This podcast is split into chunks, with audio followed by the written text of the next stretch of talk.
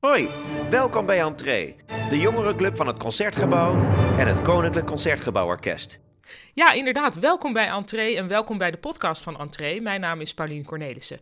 Elke keer mogen we een bijzondere opname laten horen en elke keer praat ik daar dan over met iemand die er meer van weet. En dit keer is aangeschoven in mijn werkkamer Joris van den Berg, cellist bij het Concertgebouw Orkest. Welkom Joris. Dankjewel.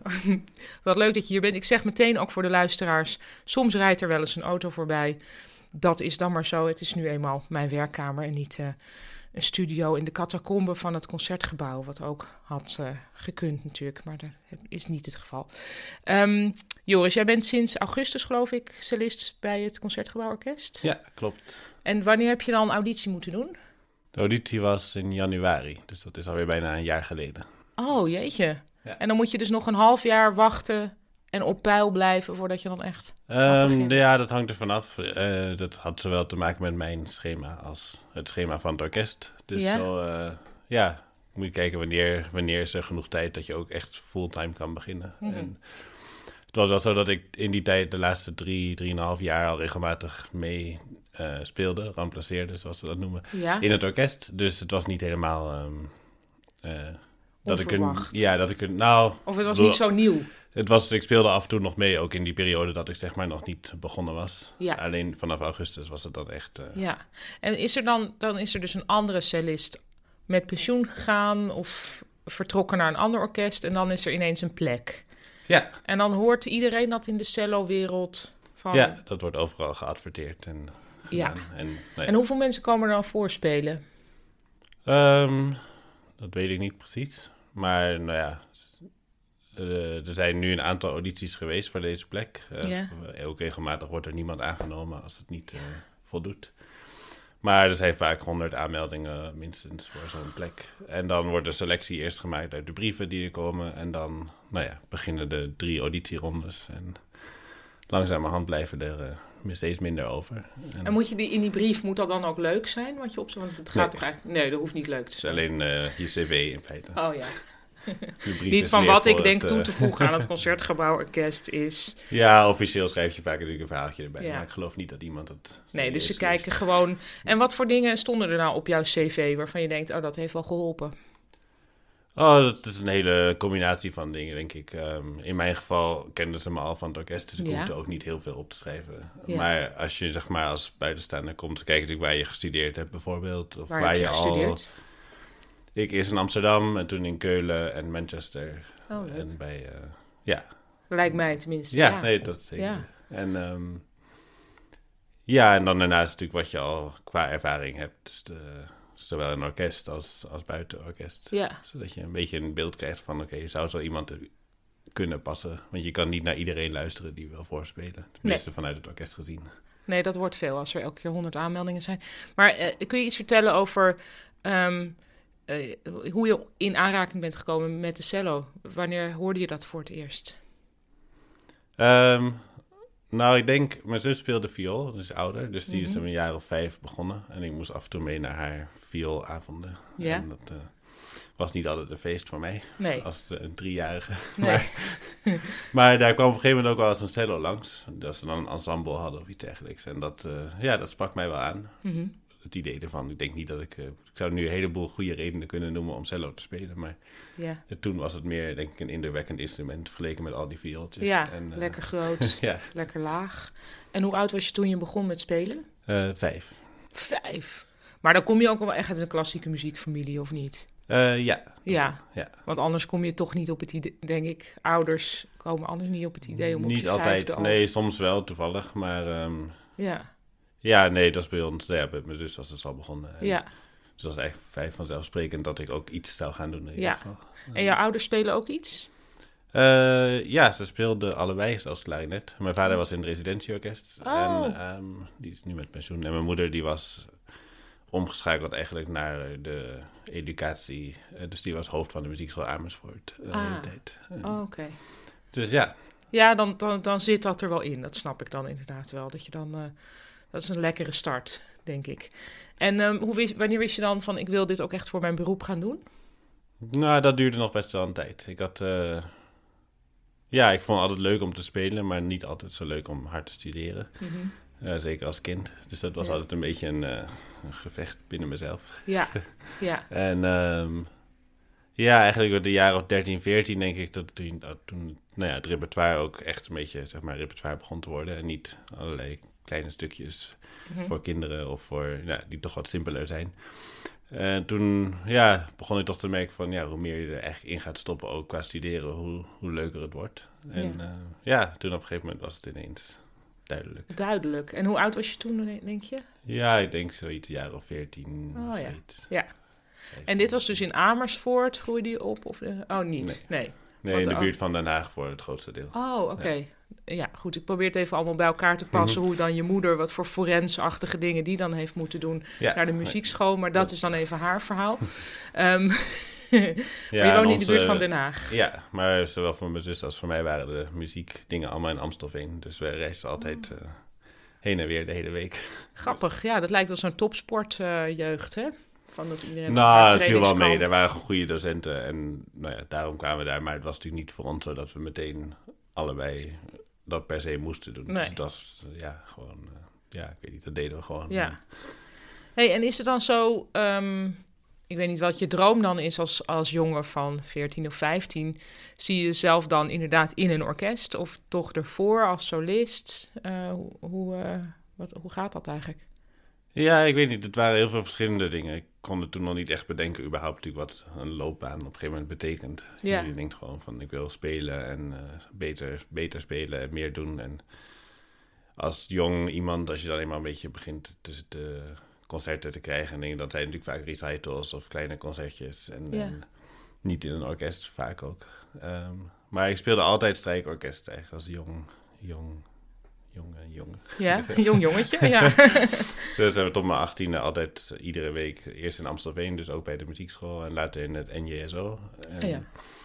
Dus, dus dat was altijd, ja, Ja. altijd een onderdeel van, van wat ik deed. En eh, ook kamermuziek natuurlijk. Dat, dat waren eigenlijk altijd de dingen toch, het cello spelen zelf ook, maar ook vooral die dingen die je dan samen met een groep mensen doet. Dat Ja. dan toch altijd nog wel, eh, was Ja. toen ook iets wat altijd, ja. Eh, Ik ken zelf die jeugdorkesten ook wel als een soort. eh, ja, het is ook eigenlijk als je bijvoorbeeld studeert. Als je in een orkest gaat, hoef je verder niet bij een vereniging of zo. Want het is een heel sociaal iets. Ja. Ik neem aan dat jij dat ook zo ervaren hebt.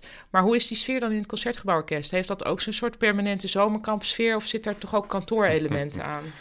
Nou, het is natuurlijk ietsje anders dan een Ja. jeugdorkest. Ja, Ehm, dat kan ook niet anders als je daar iedere, iedere dag in principe, of in ieder geval veel dagen bent. ja, Ehm, maar ik ken niet zo heel veel andere orkesten heel goed. Maar vergeleken met veel orkesten, wat ik ook gehoord heb, is de sfeer wel heel goed eigenlijk in het orkest. Ja. En, eh, ja, dat is eigenlijk heel leuk. Het is, eh, maar wordt er wel eens gelachen? ja, natuurlijk.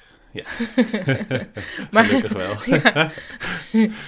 En dat is, ik bedoel, in de, in de kantine of zoiets. Ik, bedoel, ik vraag me zo af van hoe nou de sfeer is. En jij zit er nog maar net bij. Dus wat is nou, toen je er net binnenkwam, wat voor, hoe, wat voor indruk maakte die groep mensen op jou?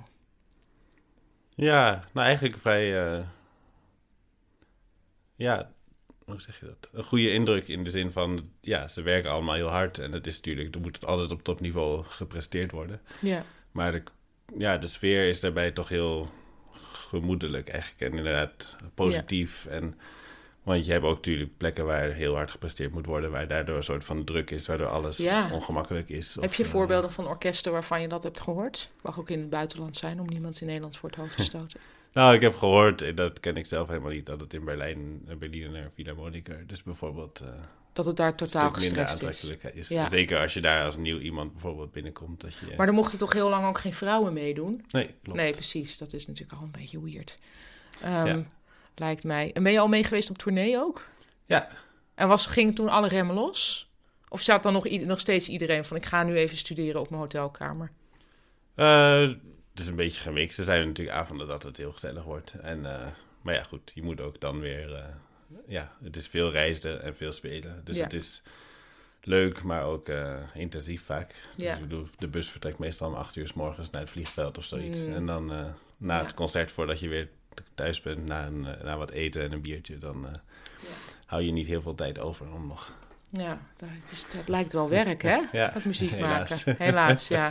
Nee, Ehm, eh, Ja, ik begrijp dat zo. Ik, ik, ik zoek natuurlijk ook naar de romantiek die je daar als toeschouwer... dat je denkt van, oh, maar dat is daar voortdurend met elkaar. Maar er is natuurlijk ook zoiets als de bus die om acht uur vertrekt. Ja. En wie moet wel uitgeslapen zijn. Ehm, maar goed, eh, dan is er altijd nog die muziek zelf. En we gaan zo direct luisteren naar eh, de achtste symfonie van Dvorak. En jij gaat, eh, we gaan eerst naar een fragment luisteren. En dat is het begin van het eerste deel. Daar knallen jullie als cello-sectie meteen er lekker keihard in, toch? Ja, niet al te Ehm, hard hopelijk. Nou, Maar- hopelijk, nee, met, gevoel. Met gevoel. Niet zo hard zitten hakken, Joris. De cello-sectie was altijd heel subtiel, maar nu is Ja. Joris van den Berg erbij en nu ineens... Nee. Ehm, dit is natuurlijk een opname waar jij nog niet op meespeelt, want eh, toen zat je nog niet in het orkest. Het is een opname met eh Maris Jansons. Kun je iets vertellen over dat begin van die achtste symfonie? Ja, nou, het is een. Het is voor mij persoonlijk een leuk of een bijzondere symfonie, omdat het de eerste symfonie is die ik ooit heb gespeeld.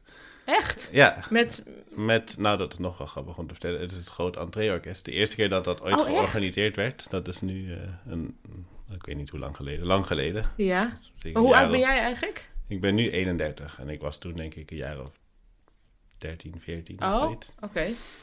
En dus dat was de eerste keer dat dat toen georganiseerd werd. En ehm, En dat is entreeleden die bij elkaar... Nou ja, Of- niet per se entreeleden, denk ik. Het is gewoon een orkest wat dan één keer in de zoveel tijd georganiseerd werd voor jonge mensen, waar dan leden van het Concertgebouworkest dat coachten. En dan in het Oh. Concertgebouw uiteindelijk na een aantal repetities een eh, concert is. Oh, wat tof. Ja, dus dat was, eh, en dat was deze Dvorak. Dus Ah. dat was eigenlijk wel eh, heel bijzonder. En wie stond er toen voor?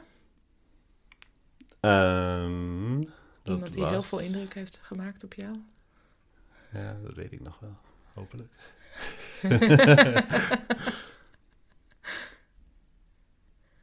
Hmm, ik kom er misschien zo nog op. Nou, mocht je het nog weten. En weet je nog wie jou gecoacht heeft? Want dat is misschien nu wel een collega van jou. Of... Nee, dat Nee. was toen volgens mij Saskia Bon. En Mhm. die is dus al een hele tijd met pensioen. Ah, oké. Dus, Nou, eh, dat begin. Eh, kun- nog iets over het stuk zelf. Dvorak heeft dat. eh, ik bedoel, die hield duidelijk van de cello. Anders begin je niet met uitsluitend Sally. Maar en wat is er zo fijn aan dat begin spelen? Het is een heel vloeiende melodie.